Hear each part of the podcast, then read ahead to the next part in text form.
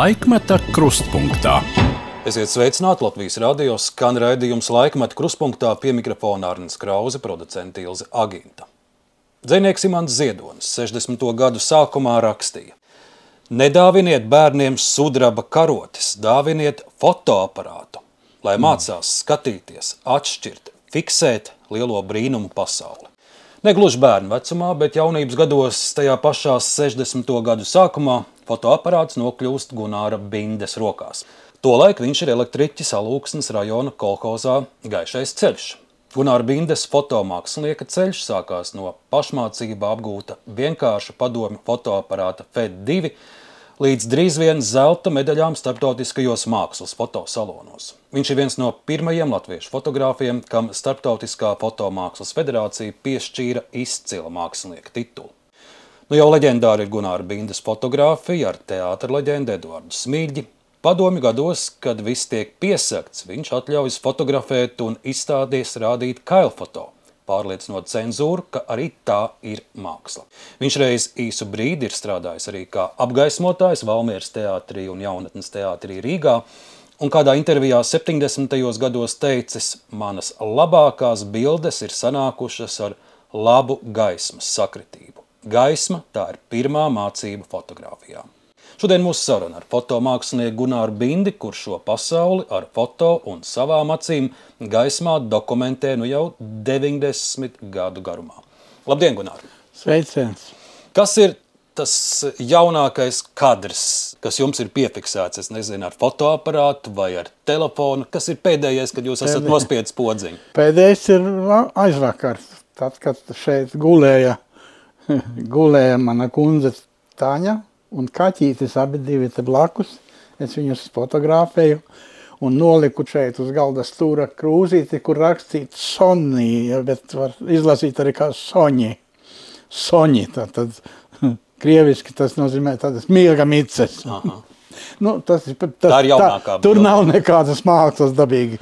Tas ir amizanta būšana, ka mēs tagad šodien tik daudz redzam, ka cilvēki priecājas par šīm iespējām visādus brīnumus eh, darīt caur fotoaparātu vai caur kino. Kameru. Cik daudz ar vienu bildējat ar, ar profesionālajiem aparātiem, cik bieži jau esat ar telefonu rokā? Vispār fotografijā, tāpat kā jebkurā mākslā, var jeb ar ko panākt rezultātu. Var ar pirkstu mālēt uz, uz audekla, smērēt krāsu, var ar cirvi, kā koņena kaus cirta koka klučus. Mm -hmm Un fotoaparātūra arī var būt gan šāda, gan tāda. Bez šaubām labāk ir, ja ir tā aparatūra ir uh, augstas kvalitātes, tātad profesionālām, profesionālām vajadzībām. Un ir īpaši tāpēc, ka nu, uz mākslu tiek uzstādītas prasības kā pēc profesiju. Tātad māksla ir ļoti ne, ne, ne tā kā, nu, teiksim, amatnieciskums, bet gan augstas kvalitātes mākslas darbs. Tā kā, tāpēc arī labāk ir, ja kamera ir, nu, ir nu, tā sakot, kārtīga kamera. Bet tie, kas bildē ar telefonu, tos jūs arī saucat nu, par fotogrāfiju? Es to pašu esmu darījis. Es, man pat bija, nu, pavas, pagājušā gada pavasarī bija izstāde. izstāde, kur tikai ar fotoaparātu bija fotografēts. Ar un, telefonu? Ar, ar jā, telefonu, jā. ar telefonu, dabīgi, kur tad ir fotoaparāts. Fotoaparāta, nu, foto, fotoaparāta faktiski misija ir galvenais, nu, tātad, gala produkts ir fotografija, kuru var paņemt rokās, var skatīt no abām pusēm un var pie sienas piespraust. Tā ir nu, manā izpratnē un arī fotografijas kā mākslas izpratnē gala produkts. Un kā jūs vērtējat tās telefonu fotogrāfijas, kuras tik daudz tagad ir mums apkārt? Nu, visa tā digitālā pasaule, kas ir tagad tik populāra, bez šaubām prasa no tā radītāja lielu piepūli. Lai izveidotu gala produktu fotografijā, eh, tās uzņemtās caur to foto, eh, caur telefona aparātu ir nu, ļoti pamatīgi jāapstrādā. Tur, tur kā optiskā kvalitāte ir laba, bet taču tur daudzi tādi trūkumi ir nu, māksliniecisko izteiksmes līdzekļu laukā, uh, kuri ir jāpanāk ar, ar, ar kompjuteru. Un tad tur ir liels darbs. Un, un jāizgatavo tad, tad gala produkts, kopija uz laba papīra uz, ar labu tinti vispirms. Un tas jau ir, jau ir jau tāds, kā teikt, jau, nu, tas vairs nav, nav individuā darbs, kaut gan man ir tīri tāda pusprofesionāla kopējama aparatūra Epsona, un arī es pērku fotopapīru, ko var dabūt tā sauktos galerijas papīrus, kas ir ļoti dārgi un, un arī tinte laba. Bet jūs jau zinat, ka mūsdienās daudzi tās fotogrāfijas pat, pat nedrukā, tā viņas arī kaut kādos diskos un atmiņās un mākoņos tagad glabās. Tās nav fotogrāfijas. Kas tās Tie ir attēli. Tie ir attēli. Tikai attēli. Nu, tie ir eh, atrodas virtuālā laukā vispirms. Viņa nav. Kur ir? Tas ir vajadzīgs, lai to visu pārvērstu eh, redzēja, redzamajā. Jūs esat arī teicis, ka šie telefoni, kā jūs sakat, attēli, ka, ka tos uzņemot, eh, viņi neprasa cilvēkam domāt. Tur jau tas trakums, ka tajā procesā, kas teiksim, man nācās no filmas uh, izveidot to gala produktu, bija ļoti daudz jāpiestrādā. Un tur vajadzēja to, kas bija galvenais, prast viņu, tā sakot, iecentrēt, lai tas būtu uzmanības centrā, pakļaut viņu perspektīvai, skata virzībai, lai tas uztvertos kā galvenais. Tālāk tur novākt visu lieko, iekopēt to, ko varbūt kā tur nav, un tagad to, lai to bildi, ja tā, salīdzina ar to, kas ir negatīvā, mhm. tas ir viens, bet lai viņi uztaisītu priekš gala, tur ir jāizceļ, tur ir, lai debesīs būtu tie mākoņi spilgti, lai ir galvenais, lai tas būtu labi redzams. Tā kā tā nav, kad var kopēt tā no negatīva, tā, tā var kopēt bez šaubām. Un tad arī iegūst tādu tā saukto tādu attēlu tikai. Tas vēl nav nostrādāts līdz galam darbs. Gunār, kā jūs vērtējat savus jaunos kolēģus, šī laika fotogrāfus, fotomākslinieks? Es kaut kur lasīju, ka jūs esat bijis arī gana kritisks, sakot, ka ka jaunajiem fotogrāfiem nesot uh, saite ar to, kā, kā dzīvojot cilvēku, kā dzīvojot tauta. Tu, tu esi brīnos, kā es tā to varēju teikt, bet uh, katrā gadījumā viss jau notiek tāpat, kā, kā notika pirms manis un kā notika manā laikā un kā notiek tagad. Īstenībā Jaunie tas ir nu, burvīgi. Jauni cilvēki, jaunā paudze, tas ir, tā, tā ir mūsu, nā, mana nākotne. Ir. Tie būs tie, kas man turpinās manu, manu domu. Kaut gan tagad tas mankurtisms arī ir parādījies, tas tāds blakus produkts tām jaunajam cilvēkam. Bet nu, ir jau talanti, tur ir, bez šaubām. Kur ir tie jaunie, kur jums pirmie nāk prātā, kur darbus jūs novērtējat? Man bailes tagad nosaukt, jo es, es pārāk labi viņus nepazīstu. Es varu nosaukt tādu, kas varbūt tajā jaunajā paudzē šķitīs, kad es esmu vai nu dumšs un ne, nesaprotu, vai arī ka es, tāpēc es arī tā negribētu nosaukt uzvārdos. Tagad vispār nesauc uzvārdus vairs. Ja par vienu iet runa, tad tikai par viņu, jo tur var rasties. Jo ir mainījies daudz, kas mainījusies, ir vispirms jau visa tā tehnoloģija ir mainījusies. Mainījusies ir uh, pasaules tādas sajūtas, iet vaļā briesmu lietas, ka patreiz šodien karo vairs ne tikai vienā vietā, bet jau pa visu pasauli. Tas viss ir, tas jāņem galvā. Un ar to ir jādzīvo. Es, es savā bērnībā tāpat pārdzīvoju to, ko tagad droši vien mani tie jaunieši pārdzīvo, kas notiek tagad. Un viņi pa savam to pārdzīvo un savādāk, teiksim, tā, uz to visu skatās. Jūs pieminējāt karu, jūs esat dzīvis 33. gadā, un tas nozīmē, ka jūs karu esat redzējis savām acīm, un ja mēs runājam par karu Ukrainā, cik es saprotu, jūsu sieva Tatjana, Viņa Latvijā ieradās no Harkivas jā, 80. Jā. gadu beigās. Viņa ir, viņa ir gan jauktene, bet viņa, ir, viņa arī ir ukrainieta. Viņas tēvs bija ukrainis. Es kāru ļoti labi atceros. Es dzimis tātad 34. gadā gandrīz, jo 33. nodzīvoja tikai 3-4 dienas. Un 33. gadā sākās karš, man bija, cik bija, septiņi gadi, ja? Un es jau to laiku ļoti labi atceros.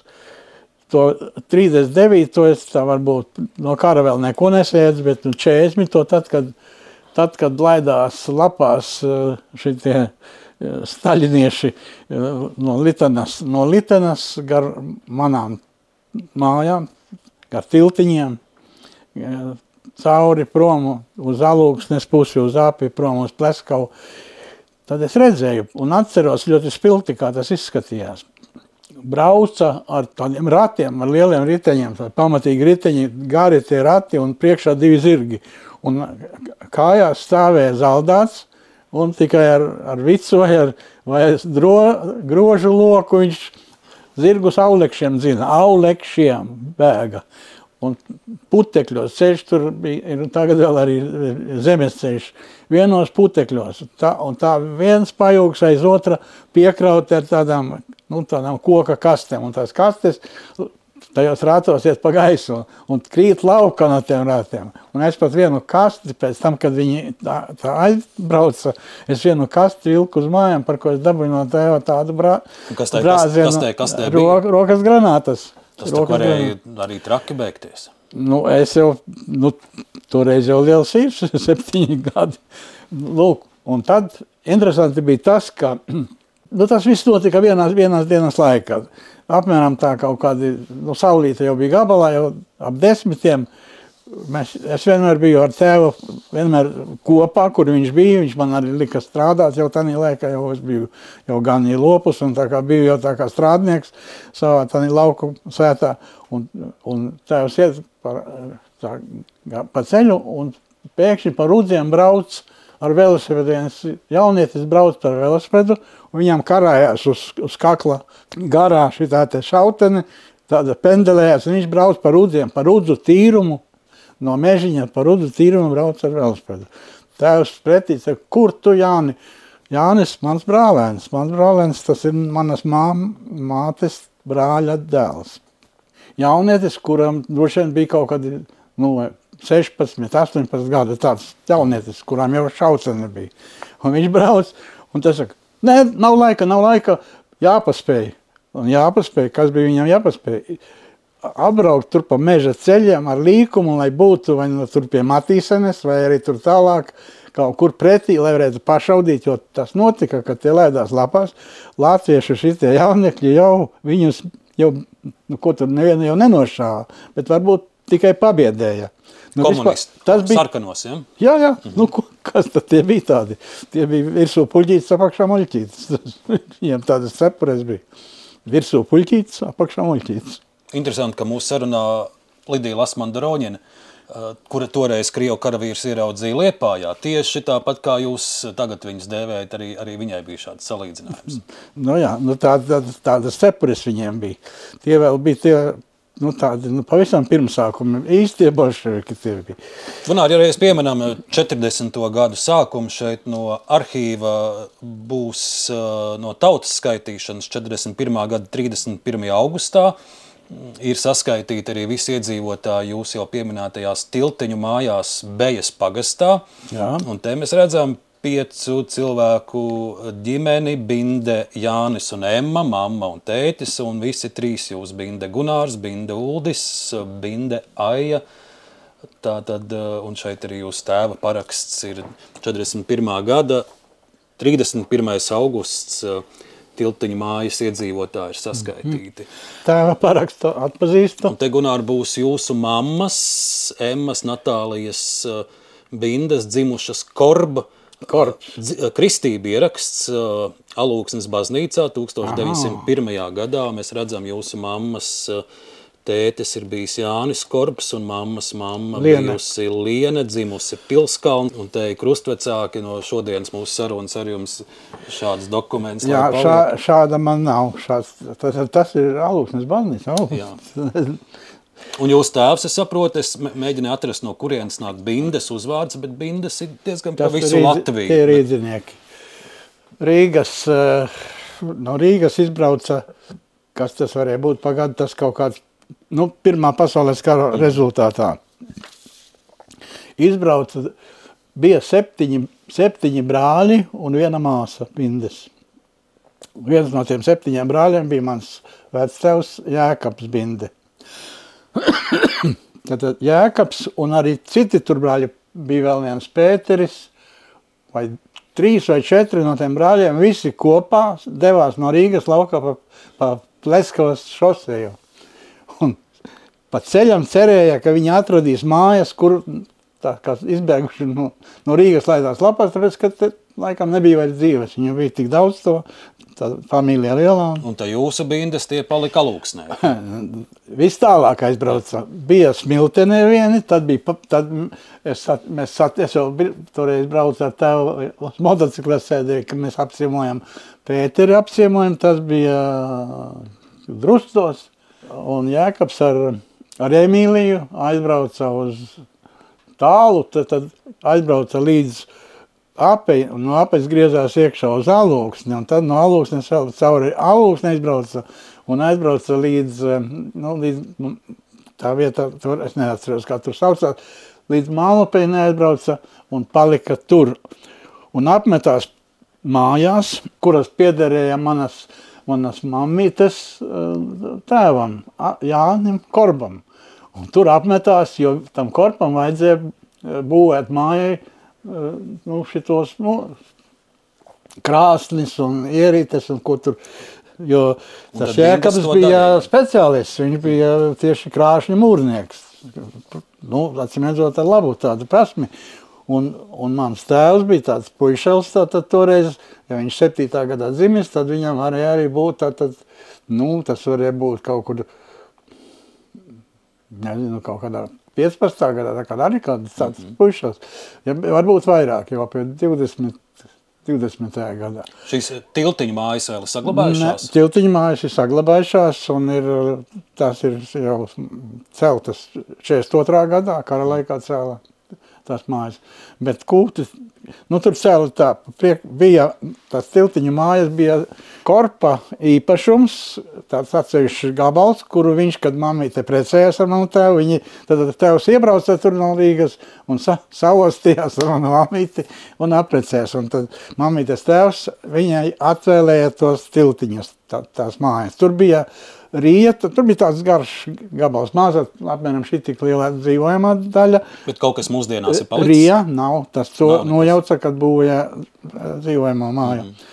Un tā, nu, to būva, tās nav vairs. Nu, un tad tur viss tika iekopts, un eh, 39. gadā jau, tad, kad māsa piedzima, jau bija ļoti iztur, nu, turīgi, tā Mhm. mana dzimta bija turīga. ā, Sibīrija nedraudēja.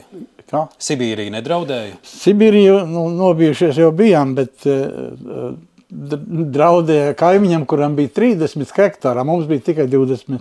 Un tas, acīm redzot, izglāba. Bija tur nāgelim, bija liela, nocekot saldābolam, tiem, kas tur tika izvesti, tiem visiem bija tās zemes lielākas. Jo viņas arī, nu viņiem nekādus grēkus, acīm redzot, grūti bija piesiet, bet piesiet to, ka viņi ir buģi, jo viņiem milzīgas zemes, milzīgas 30 hektāru, kas tad tā par zemi.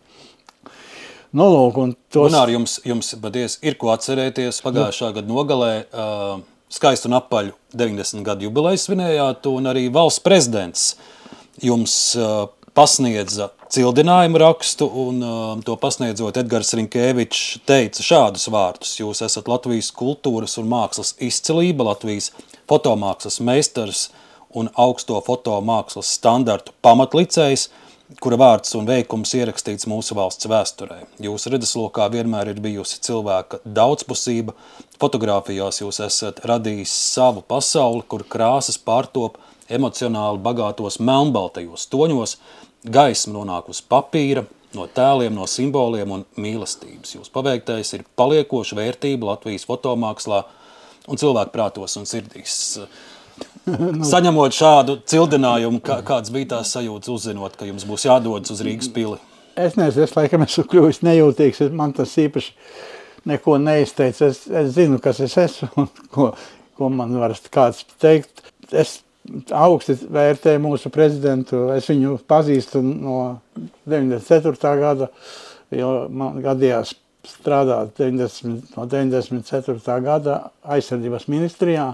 Un tad jau es ar viņu biju pazīstams, jau viņu zināju, viņš bija valsts sekretārs. Mans tas vārds ekscelence ir, kad, piemēram, kad saka, ka prezidents teiks, nu, tur nosauks dāmas un kungi un teiks ekscelence, tad es lecu kājās, jo es esmu ekscelence, ja man ir oficiāli dokumenti, kad es esmu e, e, FIAP, tas, nu, tos burtus atšifrējot, ek, foto, Startautiskās fotofederācijas ekscelence. Tā kā man ir tāds dokuments un vizītkarte, man jāraksta klāt arī šis e-burtiņš jāliek pie saviem tiem.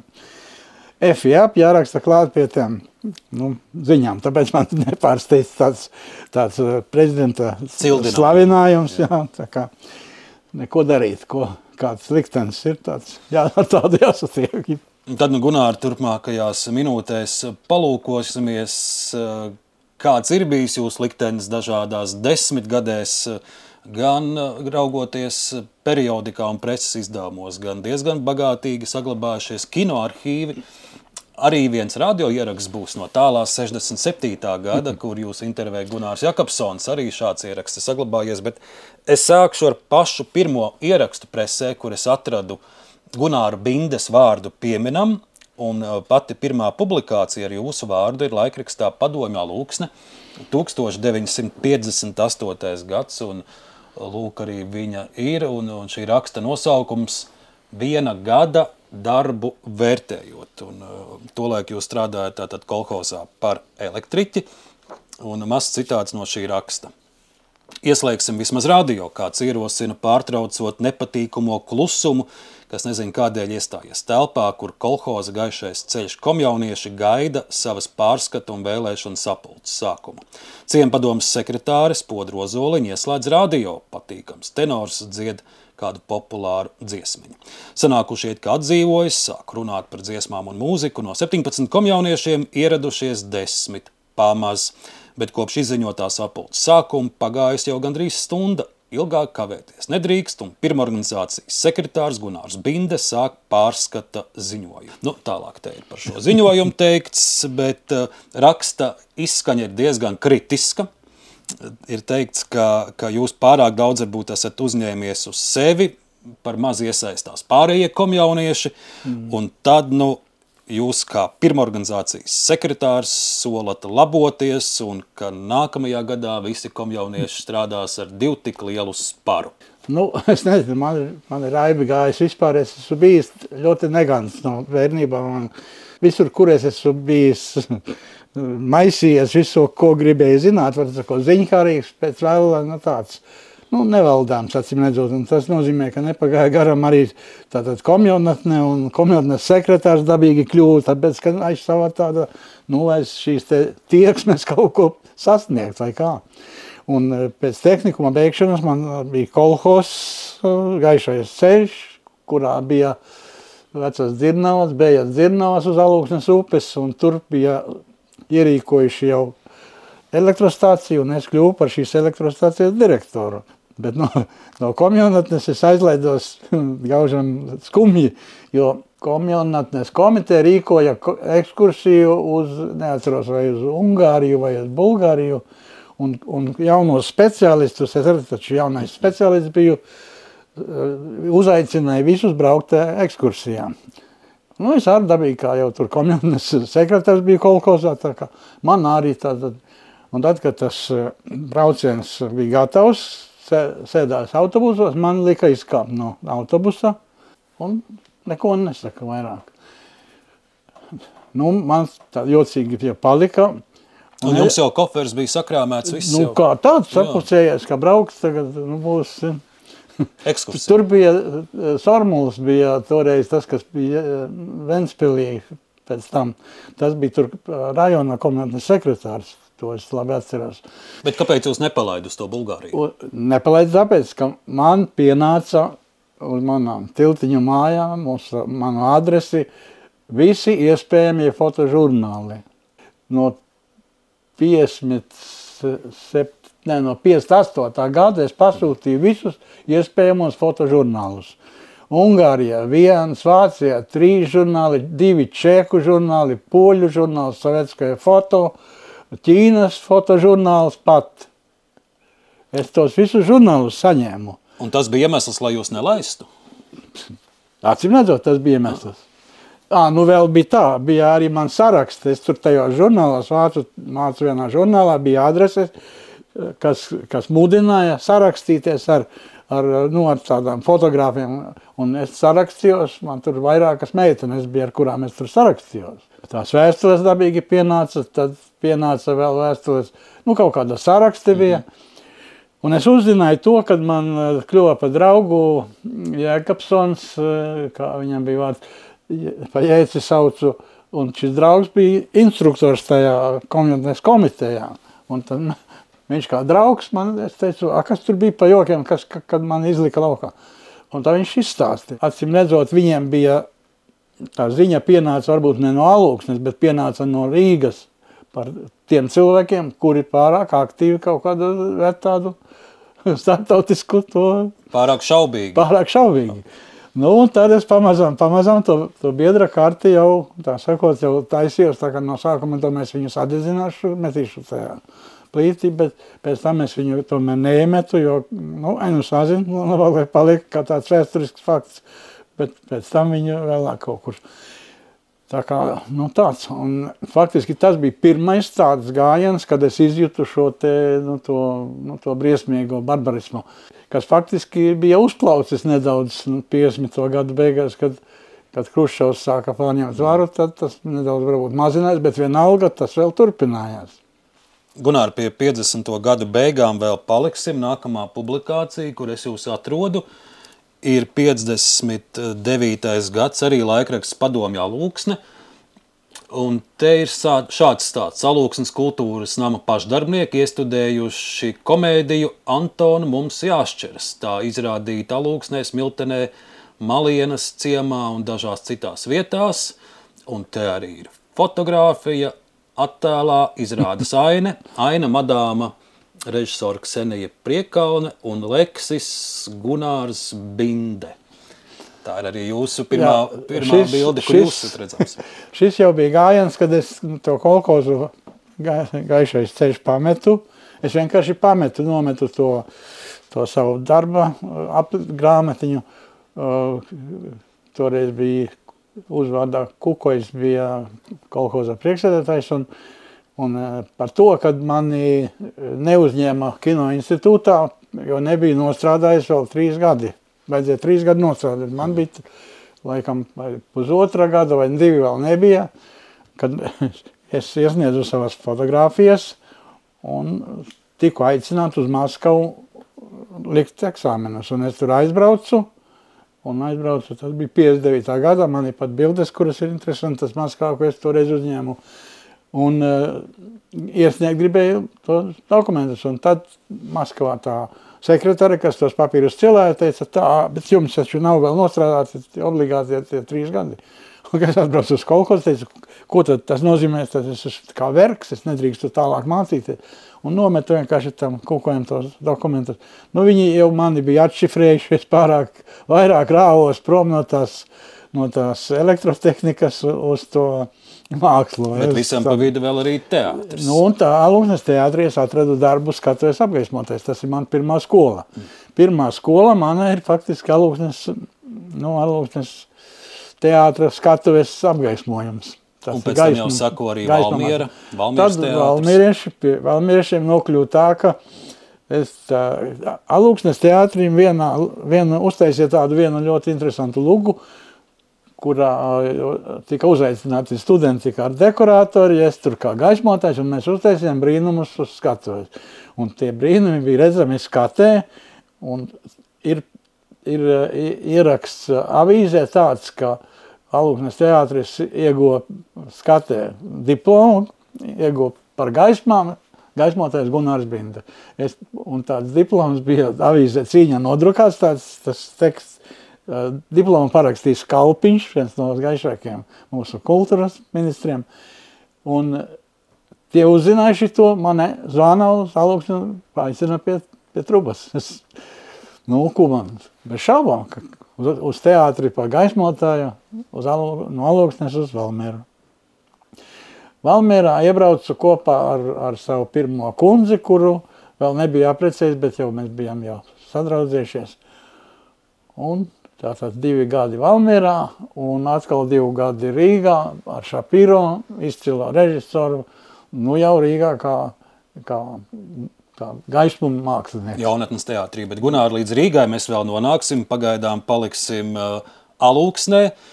Un uh, nākamais, ko es jums piedāvāšu palūkoties, ir jau uh, padomu jaunatne, laikraksts 1960. gads, un jūs labojiet, ja es kļūdos, bet šķiet šī fotografija būs pirmā, kas ir uh, publicēta, tā var teikt, lielajā presē. Vai vispār presē, un te mēs lasām, ka uh, fotografija iesūtīta fotokonkursam, pavisam īsts apraksts. Tā sauc šo vienkāršo meiteni. Viņa ir Latvijas valsts universitātes studente. Tu draugs viņa esi saticis uz ielas, redzējis autobusā, kad, kas ved uz tālo provinces pilsētiņa alūksni.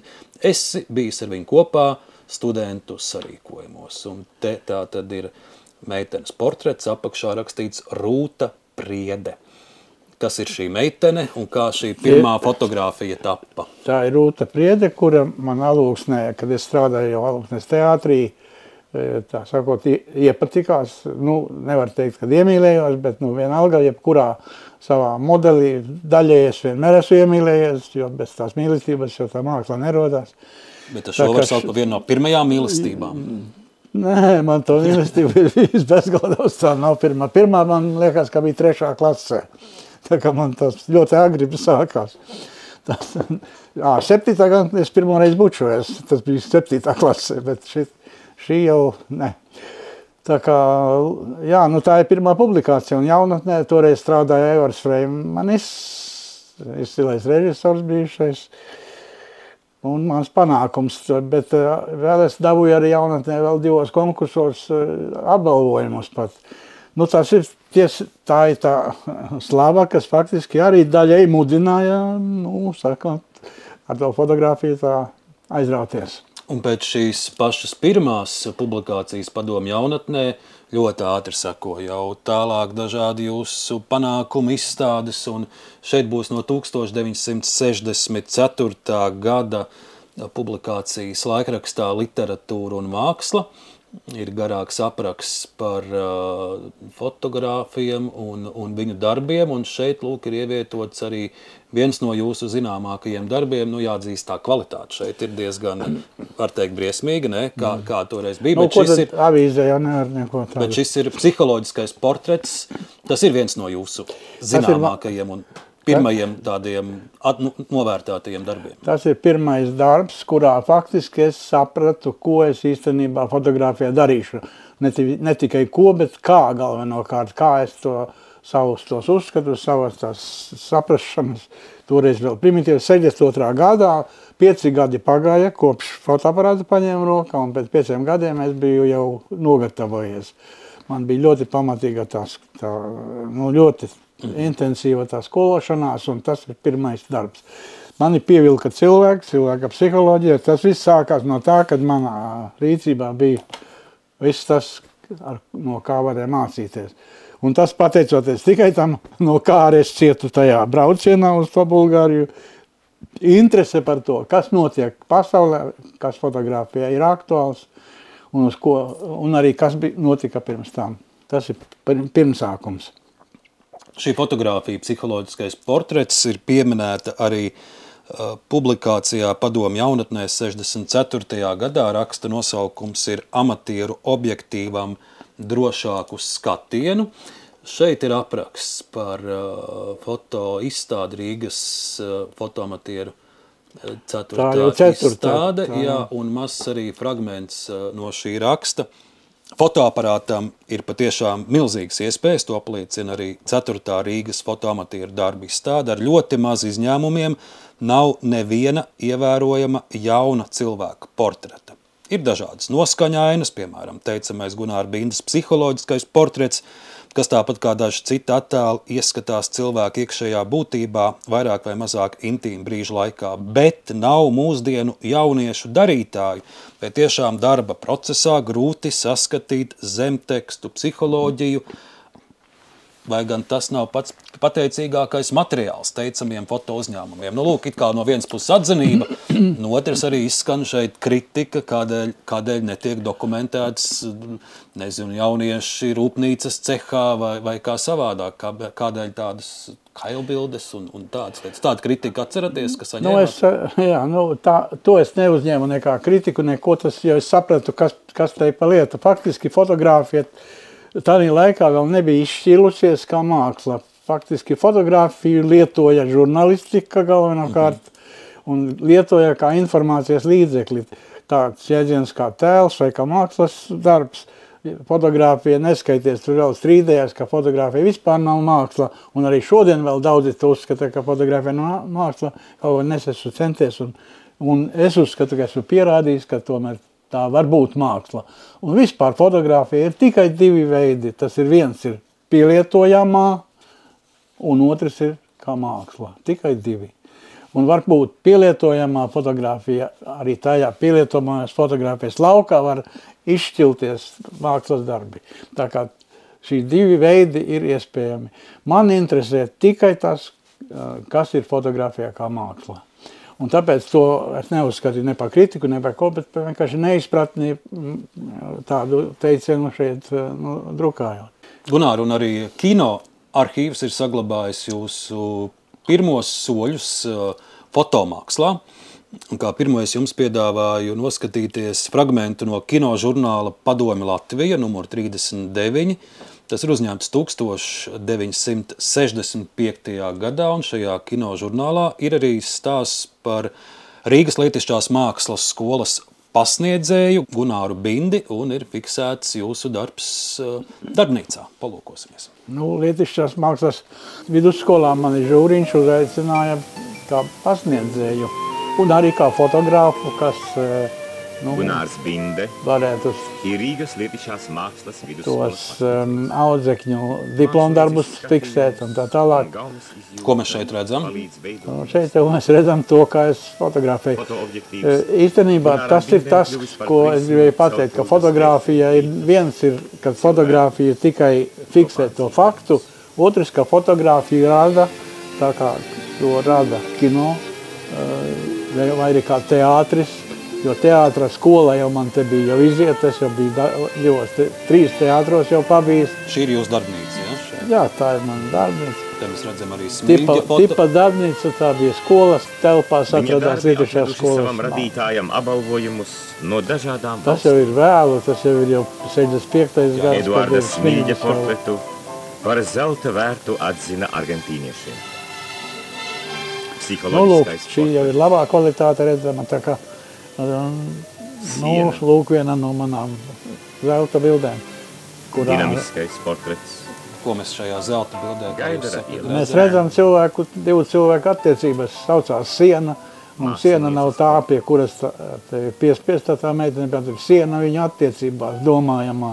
Tas nozīmē, ka tas, ka cilvēkiem nav vairs savstarpējas izpratnes, ir šajā bildē galvenais, par ko es te Kas un bija šie modeļi? Šie modeļi bija mana pirmā kundze, tā ir Ilze Binde, kas pa, pa dzēnieci faktiski kļuva, mēs kopā kļuvām, viņa aizgāja pa literatūru un es arī pa vizuālo lauku. Un Arnolds Plaudis ir man draugs uz visu mūžu bija, un viņa vairs nav. Nu, lūk, tādi jaunieši šodien ir redzami, bet tie ir tā, tādā laikā cilvēka psiholoģija vienu mirkli bija, bija šeit redzam... Nu, šeit ir tā sarmīte sīle, kurā sauc, šī bilde saucās meitene ar krustiņu, kad viņai bija 17 vai pat nebija vēl 17, es pirmo reizi viņu fotografēju un tā, ik pa desmit gadiem es atkārtoju līdz viņa no mums šķīrās. Un man ir sešas fotogrāfijas, tātad vienas meitenes, tāda kā dzīves, retrospekcija vai antoloģija, kur viņa redzama vienādās pozās, dažādos vecumos. Tā ir muzejā, nu, iepirkta Valdemēra ielas muzejā, un var viņu tur redzēt, es domāju. Viens no maniem tādiem, nu, jau nu, filozofiskiem darbiem. Gunār, kino kadros mēs jau redzējām uh, fotolaboratorijā, kā top jūsu leģendārais režisora Eduards Smilģa portrets, un uh, par Smilģi arī turpināsim uh, laikraksts cīņa 1965. gada novembris raksta nosaukums Zelts rīdziniekam Buenos Airesā žūrija piešķīrusi zelta medaļu un pirmo godalgu rīdziniekam Gunāram Bindem par foto uzņēmumu Smilģa portrets. Par šo portretu jau ir daudz stāstīts, un jūs esat dalījies atmiņās, kā tas tapa, kā smilģis nokļuva līdz šim brīdim, un, un jūs, kad, kad jūs šo foto uzņēmāt, vienīgi tur atšķirās. Dažos stāstos es redzu, ka ir teikts, ka, ka lai tas foto taptu, jums pietika ar pāris klikšķiem, citur atkal es lasu, ka gluži tā nebija, tās bija vairākas stundas. Nu, droši vien, ka stunda pagāja, kamēr mēs izgājām cauri tur tajā visai smilģa mājai un apskatījām viņu. Bet, bet šodien varbūt mazāk par tieši to, kā Jā. šī, šī fotografija tapa, bet uh, par smilģi šodien. Es nesen no arhitekta Zaigas Gailas dzirdēju, viņa mūsu raidījumā stāstīja, ka jaunā Rīgas teātra režisors Alvis Hermanis ir nolēmis, ka šis eh, jūsu fiksētais smilģis uz Lāčplēš ielas 25. nama sienas vairs nebūs, jo Alvis Hermanis uzskatot, ka Staļina prēmijas laureātam smilģim nav jābūt uz, uz, uz viņa teātras sienas. Uh, Un arī varbūt tās smilģi izrādes nemaz ar šā laika acīm skatoties nesot bijuši tik izcilas. Es skatos jūs, jūs Smieklis nāk, ka tas kratat galvu. Es gan neticu, esat... ka Hermanis ir, gat, ir spējīgs uz tik tādu muļķīgu teicienu. Kā tas smilģi, kā tas smilģi, kas ir radījis veselu skolu, inscenētāju skolu, Krieviem ir Meierholsts tāds bijis, mums bija smilģis izcils ar savu skolu, ar Raiņa līdzdalību, ar, ar ģirta vilka nu, dekorācijām. Viss tas ir palicis atmiņā labā Latvijas teātra vēsturē, kur tādu var iznīcināt.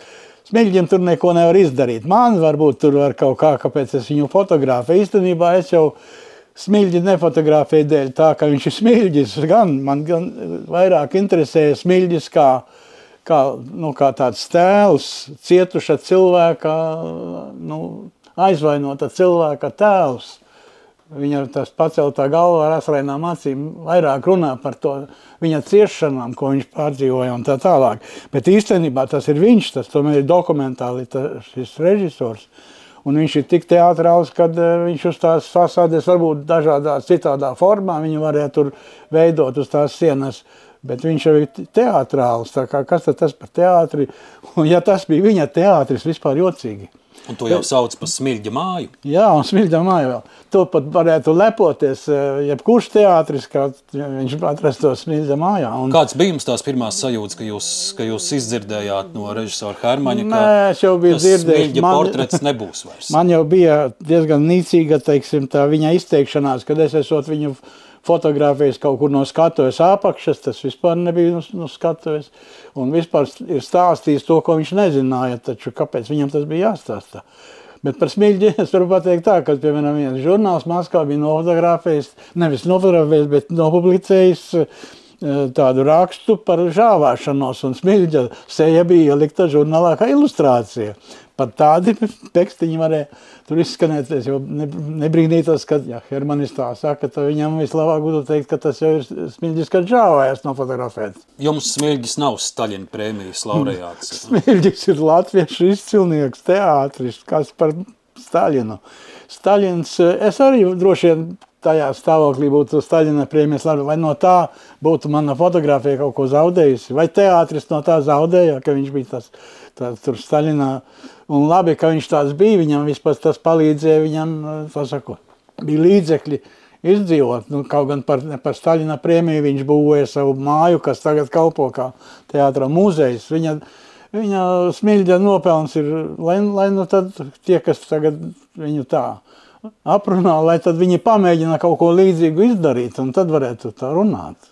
Bet jūs esat to pieņēmis, tā kā samierinājies, ka šis leģendārais portrets uz, uz mājas sienas vairs nebūs? Es neko, es esmu neitrāls, tāpēc, ka mani tas, es ar teātri tā kā, nu, biju saistīts, bet es ar teātri, neesmu teātri cilvēku, un teātra uh, sienā nav manā, tas sakot, manā laukā neatrodās.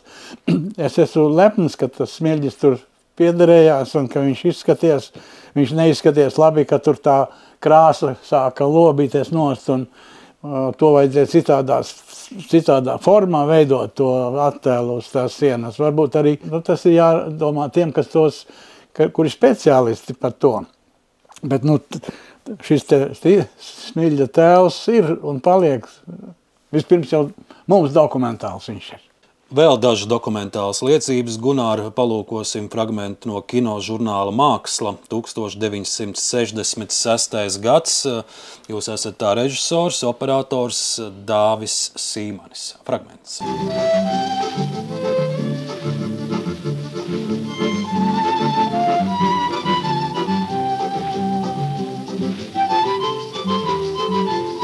Nu, tas ir tie inscenēti kadri, saistībā ar, ar kino žurnālu māksla. Bija tāds viens mēs par otru zinām. Par fotogrāfiju tieši. Maz, pavisam maz. It kā kopīgus svētkus svinam, it kā kopīgas darbdienas. Tas ir Māris Čaklais, ko, ko par cilvēku, par mīlestību, par, par cilvēku vispār bija tāda izstāde, Maskavā notika fotoizstāde starptautiskā, un tad par šo izstādi bija tas, tas žurnāls, bet es tajā žurnālā iepinu vēl savu sižetisko līniju, kurā... Šīs visas ir jūsu bildes? Nē, tās Nē. nav manas, tās ir dažādu autoru no. fotografijas. Ir arī mana, tur viena vai divas. Tā ir mana, manas bijušās kundzes Sarmītes Kviesītes fotografija nu, latviešu fotografija arī te ir iekšā. Nu, atsakot, par fotografiju tas žurnāls bija. Un tad uzreiz, Gunāri, arī noskatīsimies nākamo fragmentu. Jūs pieminējāt Maskavu un izstādes, un jums arī top filma Halo Maskava. Es sapratu, ka tas bija arī kā Maskavas pasūtījums, tapis, un, un, un šis kinožurnāls ir interesants tādā ziņā, ka viņš viss ir fotografēts. Tas nav filmēts ar kinokameru. Ja? Te bija kustīgie kadri, ko Deivis Sīmanis toreiz piefilmēja. Paskatīsimies arī maz fragmentu no šīs Halo Maskava filmas. Arī šis ir 68. gads. Vispār fotografēts tika Maskavā 65. gadā, un 66. Mhm. gadā filma tika izv... nu, pabeigta. Nav tur nevienā kustīgā kadra, tas viss ir tikai fotografijas. Un fotografijas ir atdzīvinātas ar piedodot tām tātad, multiplikācijas studijā, tādu, nu, tādu tā formālu kustību. Vai nu tāds tā kā šeit uzspēlēt. Tie 12 Maskavas vēstures tātad tādi vēstures momenti. Pasūtījuma filma par, par Maskavu priekš ārzemju televīzijas. Nu, daļēji tā kā tāda propaganda, bet arī daļēji tāda emocionāla, nu, kas ir faktiski manā interesē. Man gribējās to. Bet jūs redzējāt, tikko bija viens kadrs arī ar Kailu foto. 66. gads, nu, kurš katrs droši vien to tā nevarēja uzdrīkstēties. Ko cenzūra toreiz teica? Cenzūrai tas viss patika, tāpēc, patika. ka tas bija domāts ārzemju skatītājiem. Galvenokārt, bet viņš palika arī tajā variantā, kas gāja pa, pa ekrāniem. Viņa bija arī uz tā sauktā vissavienības ekrāna. Kā, gāja kā piedeva pie mākslas filmām. Un ar vēl viens fragments. Tie, tas ir ļoti labi. Tie arhīvi saglabājušies ļoti daudz uh, no tieši 60. gadiem. Un tad, lai šodien vēl viens uh, fragments ir no 68. gada kinožurnāla Padomu Latvija. Šeit mēs redzēsim, kā jūs uh, fotografējat mākslas zinātnieces Armītas Sīku.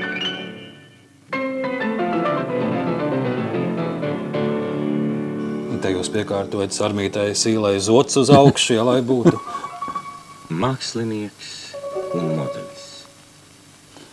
Tos aparātus izmantoja. Mūža mainīgās cilvēku sejas. Es aizmirsu, kas tur bija par tādām, kādām nolūkam tas tika darīts. Nu, šeit jūsu darbs ar Sarmītu Cīlu un vēlākos gados uh, Sarmīta teikusi, ka jums bija liela loma arī arī tajā, ka viņa vispār nokļuva mākslas pasaulē, ka jūs esat mudinājis viņu stāties arī mākslas akadēmijā. Jā, nu es viņai pateicu to, ka, ka Svemps meklēja māku turēšanu, viņš bija rektors, es viņu pazinu. Viņš meklēja modeļus. Nu, kā parasti akadēmijā vajadzīgi modeļi, un, un man šis armīte tāda jauka meitene bija. Un es viņai teicu, ka tu negribi iet uz akadēmiju pa modeli, un viņa aizgāja. Un aizgāja, un Svems viņu paņēma, faktiski ņēma tā kā priekš studentiem, bet viņa pati teica, ka viņš faktiski priekš, lai viņam būtu pašam sava modele. Nu, Gunār, modeli, modeles jums ir bijuši daudz. Es šajā raidījumā esmu intervējis arī žurnālisti Aiju Kuģi, kura daudz gadus No, dzīvoja. Dienvidslāvijā, un Aijai vienmēr ir acu priekšā arī, arī portrets, kur jūs esat fiksējis ar Aiju. Jā, Aija, ne tikai portrets, arī Aija ir aktā fotografēta. Es nezinu, varbūt, ka viņa to tur noslēpumā, nezinu. Tā kā Aija man bija pazīstama, kad mēs ar Selecki kopā strādājām pie filmas Valmieras meitenes. Es tur biju pa fotografu šajā filmā. Tad viņa atbrauca no Dikļiem, nu, skolniece vēl, Dikļu vidusskolas. Un intervēt gribēja Selecki, bet Seleckis teica, man nav laika, man ir jāstrādā. Un reku binde te daudzās varbūt kā ar viņu. Un viņa mani sāka intervēt. Un viņa palika Valmieras, eh, nu, viesnīcā palika uz nakti. Viņa ai- aizpļāpājās tik tālu, ka, vil, ka tas autobus pēdējais uz Dikļiem aizbrauca. Un tā viņa, mums bija trīs gultas. Un Kozlovskis viens bija, kas tad bija trešais. Un tad viņa vienā tādā tukšā gultā, viss tā kā joga, sēdēja visu nakti tajā gultā. Un es sapratu, ar Aiju, ar Aiju Kuģi jums ar vienu vēl ir kontakts. Arī Jā, bez šaubām, tā Aija man ir bijusi tāda, nu, kā saka, visā visumā ļoti žiperīga meitene bija. Viņa varbūt nekā modelē tik daudz, cik, eh, nu, kā tāds, nu, dzīvīgs, akti, aktīvs cilvēks ar, ar savu prātu, ar savu tādu, ar ar varēšanu, ar gribēšanu. Nu, es tā augstu vērtēju tādu cilvēcisku kontaktus. Man, man ar Līdzīgi- visiem modeļiem ir bijušas kaut kādas tādas nu, normālas cilvēciskas attiecības. Nav Un bijis Tādas jums ir bijušas arī noteikti ar, ar mākslinieci Armītas Sīlu, kur nu, nu jau ir devusies mūžībā, bet uh, es saprotu, kopā tapa sešas uh, šīs fotosesijas ik pēc desmit gadiem. Un šeit mēs dzirdēsim Armītu Sīlu, tas būs fragments no Latvijas televīzijas, no panorāmas sižeta 2009. gadā, tā autors Andrēs Vomārs. Un, uh, Tolaik ir atklāta Mākslinieku savienības galerijā jūsu darba iz- izstāde ar nosaukumu Pirmizrāde. Un Sarmīta Sīla arī komentē vairākus jūsu fotogrāfus. Vienojošais ir tas, ka Gunārs, būdams viens no spožākajiem inscenētās fotografijas meistariem, principā visu mūžu ir veidojis savu fototeātri. Un šī kolekcijā, kas ir ļoti dažāda, darbi no dažādiem laikiem, šeit parādās visas intereses. Man jau patīk pašam rēkoties fotografijā. Vai nu šādā vai tādā veidā. Te manas meitenes, manas kundzes un, un arī modelīši. Katra fotografija Gunāram ir teātris. Es nezinu, vai saliekot trīs fotogrāfijas, kuras ir man aiz muguras, viņš ir vēl piedomājis par virsuzdevumu, ko dod šīs fotogrāfijas. Es nezinu. Bet blakus tas izskatās kā lielisks stāsts. Neskarta zeme, lekni uzarta zeme, kurā jāsēj graudus, un blakus ir sieviete, viņa sieva, kas gaida bērnu. Tā tad zeme, kura arī dod augļus. Man liekas, ļoti simboliski tieši šai izstādē. Nu, tas fragments no 2009. gada.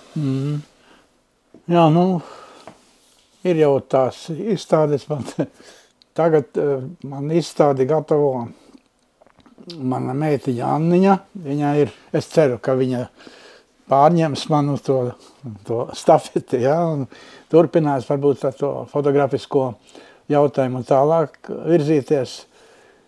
Vai būs tāds, kas mani kaut kādā veidā tā kā pārtvers kaut kādi, tā sakot, nu tā ciešāk ieejot fotografiskajā domāšanā, stilā, visos paņēmienos un arī tajā būtiskākajā fotografiskajā kā māklas nu, laukā. Bet nu, Anniņai tas būtu vispār veselīgi, jo tas būtu viņai mūža, mūžam, ko darbo, dar, darboties ap manām fotografijām vēl. Tā kā izstāde top, it kā top, es at, kaut ko atlasu, bet viņai būs gala atlase tā kā. Tā būs, šogad atsimredzot būs. Būs tikai viņas darbi, vai gan jūsu, gan viņas? Gan... Nē, viņa jau tikai kā kuratore. À, ne viņa jau- kā kuratore. Es domāju, ka viņai arī kaut kas jau tapis. ir. Patreiz pat, faktiski man ir liels brīnums, ka mana kundze Tāņa, kura faktiski aktrise, atnāca pie manis, un mēs palikām kopā, tad, tad kā ģimenes cilvēki, un piedzima mums Anniņa, un, un viņa tikai pozēja faktiski vienu laiku. Viņa pēc tam nodarbojas ar, ar, ar kustībām. Tagad viņa ir jogas trenere, bet galvenais, ka viņa ir fotogrāfe kļūsi. Pēdējo gadu laikā viņa tik spoži fotografē. Viņa faktiski, viņa ir, viņa ir iemācījusies fotografiski redzēt un fotografiski domāt. Tas ir pirmais un galvenais. Redzēt fotografiski, redzēt attēlu un tajā savu domu izlobīt tajā attēlā. Bet par šo, par šo domu attēlā es biju pārsteigts kādā intervijā, lasot jūsu teikto, ka nu, ļaudis bieži mēdz teikt, gan profesionāli fotografi, gan neprofesionāļi. Man izdevās noķert lielisku kadru. Es noķēru kolosālu momentu. Un tad es izlasu jūsu vērtējumu, ka, ka tā nemaz nav tāda liela māksla noķert momentu. Kā tā? Jā, tā ir, ka, nu, tā ir tāda faktiski ne, noķerts moments, tas neva, ne, nebūtu nav mans, tas ir kāds, tur ir paklupis, tātad tur ir galvenais nopelns šim cilvēkam, kā izķerās kāju, vai ne? Tā kā kāds ir nopelns tādā gadījumā fotografam noķert momentu. Nu, tas ir apmēram ekvivalents, ja, piemēram, ka redzi, kā blusē ir, tad noķert viņu. Nu, noķert blusu, kāda tam ir liela nozīme. Nu, esi noķeris, nu, un cauri. Bet mākslā jau nav tas noķert kaut ko. Mākslā ir kaut ko, kaut ko no sevis radīt, kaut ko jaunu izteikt caur to. Jūs esat arī teicis, ka ļoti svarīga labai fotografijai ir laba gaisma. Un tad bija interesanti par šo gan izstāstīt vairāk, ka gadā esot tikai divas dienas, kad esot kaut kāda īpaša sudraba gaisma, vai tad labojiet, kas tā ir pa gaismu. Jā, jā. Jā, ir tāda Kad ir tās sudrabaina gaisma, ir tāda. Bet tas ir atkarīgs no tās atmosfēras, kādā, teiksim, tur ir, nu, kas notiek. Ir kādreiz, kad migla sāk izklīst, un tad vēl saule nav parādījusies. Vēl tikai no miglas tā kā izplaukst saule. Ir, ir ļoti, ļoti, ļoti izkliedēta gaisma. Te jau es, teiksim, varētu to gaismu, kā gaismu jau speciālists jums pastāstīt, kā tas viss veidojas tā gaisma, kāpēc tāda izskatās. Bet nu, tas izskats ir tas, kas skatītājiem arī viņu uz, uzpērk. Faktiski tas gaismas brīnums, kā gaisma, kā viņa krītošā gaisma, kā viņa ir, kas eh, faktūru izceļ, kā viņa atstarojās un kā refleksējās. Nu, tā Tas gaisma, kas viss, šodien, tā gaisma, kas šodien šeit ir jūsu lankstiņa mājā, kur mēs ierakstām sarunu, šāda derētu jums kādai foto, fotografijai, jo ārā ir diezgan spoža saule, te ir ēna, patumš. Derētu, derētu. Visādas gaismas ir fotografija, jo viņa daudzveidīgākā, jo labāk. Jo, jo, jo dažādāka šī māksla ir. Vispār māksla nevar būt vienāda, stagnātiska, visi kā viens. Piemēram, tā kā, kur es atceros padomu laikā ķīniešu fotožurnālā. Visas fotogrāfijas vienādas. Nevienu autoru nevar atšķirt, jo visiem jābūt tikai tādiem. Atsakot, kā Mao lika tādiem, viņiem bija jābūt visiem.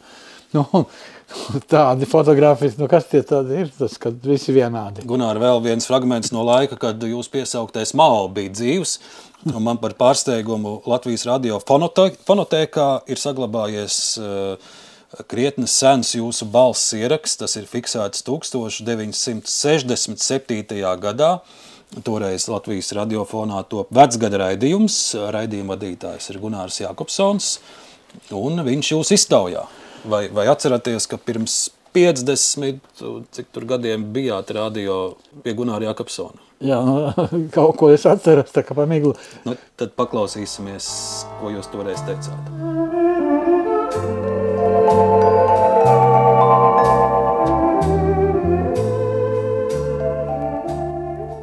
Kas dzimtenes debesis nemīl, kam svešs ir šis debesis jums.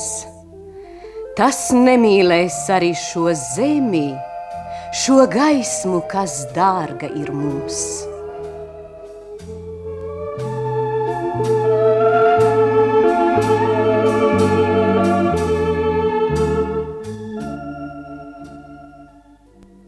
Ozoli. ozolī.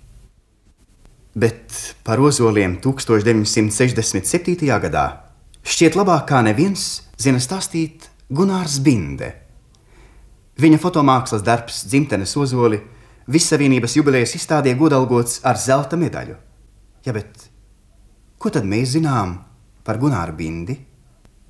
Laiku pa laikam presē uzzipsnīja telegrāfa ziņa, Gunāram Bindam atkal kārtējā medaļa vai diploms no Beļģijas, Argentīnas, Meksikas, Čehoslovākijas. Hm, fotomāksliniekus apbalvo tāpat kā sportistus starptautiskās sacīkstēs. Un vēl slavējošas recenzijas par Gunāra Bindas fotofilmu Halo Maskava, starp citu, vienu no pirmajiem šāda veida kinodarbiem mūsu zemē.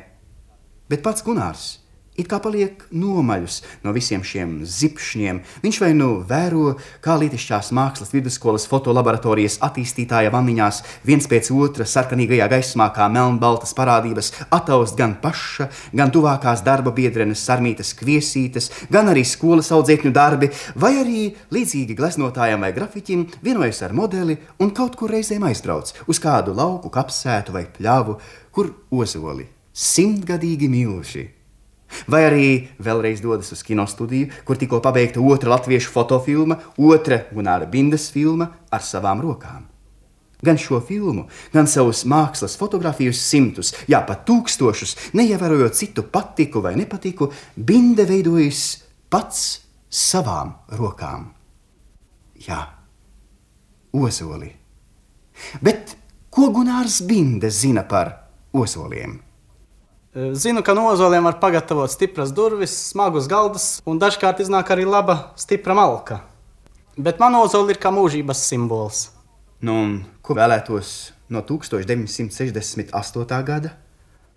No 1968. gada es vēlētos, lai viņš man atnes tikpat daudz radoša prieka un enerģijas kā 67. gads. Piedodiet, jums jāatstāj kāds novēlējums 1968. gadam. Es gribētu novēlēt visiem cilvēkiem, kas ir sevišķi māksliniekiem, kas uh, kaut ko rada, jeb atstāja, lai tie būtu vienmēr patiesi un runātu patiesību. Paldies! 67. gads. Nepazīstu savu valsti. Tolaik no 68. gada jūs vēlaties radošumu, ko jūs sagaidat no 2024.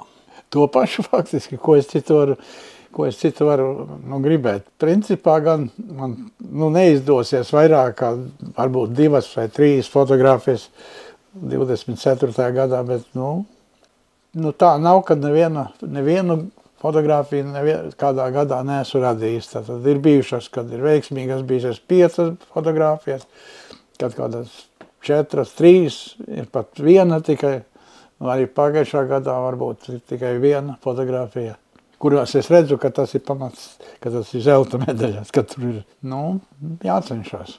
Gribās vēl jau daudz ko, man ir tik daudz ko darīt, vēl ko digitalizēt no veciem negatīviem, vecajiem, un gribās arī digitālās apstrādāt, pat reizē to cītīgi noņemos, tā kā mhm. apstrādāju vecus negatīvus un atklāju, ka tajās vecajās, vecajās filmiņās vēl ir iekšā tīri labi darbi, tikai viņi nav nobeigti līdz galam. Un tagad to var arī izdarīt, jo tā digitālā iespēja ir. Nu, vienīgi ir tas viss jāpārvērš oriģinālā. Visas sudraba kopijas es esmu parakstījis, parakstījis tādā veidā, kad parakstēs uzliek uz attēla, nu, stūrītī, tā kā uz gleznas parakstās mākslinieki, lai būtu uh, skaidrs, ka šī fotografija ir ar manu roku sakot, saskārusies. Lai nebūtu tā, ka to jau kaut kādi šādi nokopēja tagad ar labām aparatūrām un tā tālāk. Tā kā tas svarīgi ir to saglabāt to oriģinālu. Nu, un oriģināls fotografija ir tā, kur ir autora, nu, faktiski, kur var teikt, ka tā ir autora kopija, autora darbs. Gunār, ko jūs sagaidat no šī gada redzot visus tos trauksmainos notikumus, kas, kas mums apkārt arī pasaulē notiek? Nedodies, ka kad kāds iedomāsies to atombumbu palaist. Nedodies, tas ir visbriesmīgākais, kas var būt. Šis vien, viena terorista tāda rīcība, un šis terorists var būt tieši, nu, tieši no, no tiem apgabaliem, kur tur tagad notiek, ka tur var to Suecas kanālu vai ko tur teroristi apsēduši ir, un Nu, un kas tad tur, ka, ka teiksim, no Krievijas kāda atombumba aizpeld šiem teroristiem rokās. Ja arī, ja arī Puķinam neienāk prātā to bumbu izmest, tad to var izmest jebkurš, nu, jebkurš idiots. Tad kaut kāda zālīte sapīpējies jauneklis, vienalga. Tuvojas jau Ukrainas kara, Krievijas iebrukuma gada diena, jūsu mm, sajūtas paredzējumu, ar, ar ko šis viss beigsies? Man- kā? Es jau baidījos, ka sāksies ar Latviju. Vēl ar, vēl ar Ukrainu nebija nekas vēl sācies, kad man bija bailes, kas tur Baltkrievijai bija savākušies tie bari un, un pie Uk- Ukrainas robežas, ka viņi varēja būt Latvijā. Un Latvija viņi būtu tagad šeit, būtu mēs karotu tagad. Karotu, karotu. Mēs karotu tāpat kā Ukraiņi. NATO būtu tepat blakus un mēs karotu. Kā karota Gunārs Binde? Ar fotoaparātu. Dabīgi. Es jau cerēju, ka 91. gadā būs.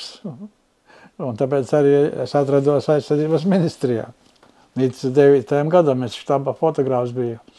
Nu, Jūs esat droši par Latviju, par mūsu nākotni. par mūsu nākotni. Par mūsu nākotni man ir ļoti, ļoti tāda miglaina, nu, tāda ļoti bezmasas tādas ilūzijas vai, vai tādas nojausmas. Es neesmu drošs par, par to. Vispirms par to, ka Latvija ir tik palikusi tik neaktīva, tāda nedarbīga, it kā pazuduši. Ja es zinu, ka visu laiku, visu laiku vienmēr bija pilns ar, ar visādiem darboņiem. Tur bija visi mākslinieki un visādi pa, pa pilna.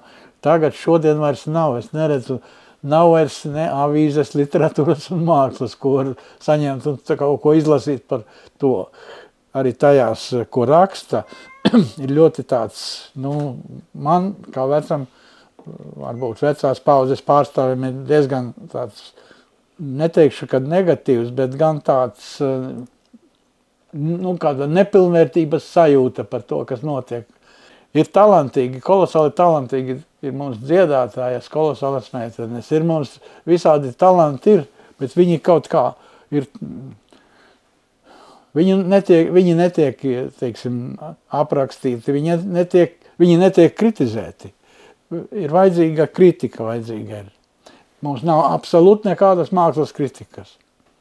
Ir tikai, ir tikai tādi kā fotografija, tādi fakti, faktogrāfija, tikai fakti, fakti, fakti, foto tādā, nu, sliktā fotografijā, kur nav nekādas analīzes, nav nekādu, teiksim, tādu, ir aktieri, labi aktieri, un arī šie aktieri tik daudz filmējās, un arī šīs filmiņas ir tādas, nu, neviena neraujās laukā uz, uz, nu, uz Venēciju vai kaut kur.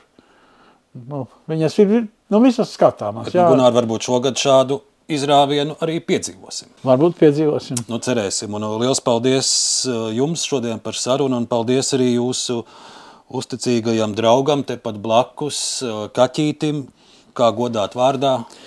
Pincīte. Pincīte, kur arī visa būs saruna šodien. Viņam šeit, visu laiku klausījās. Nevienreiz neiepīkstējās. Viņam šādi tad ieņaudās. Varēja jau paņaudēt drusku. Gunār, paldies par sarunu, paldies par jūsu paldies, mūža darbu. par darbu tādu. Fotogrāfs, fotomākslinieks Gunārs Binda šodien bija raidījumā Laikameta kruspunktā par skaņu gādāja Nora Mitspapa un Romāns Žukovs, producenti Ilza Aginta, pie mikrofona bija Ārnes Krauze un turpiniet klausīties Latvijas rādio.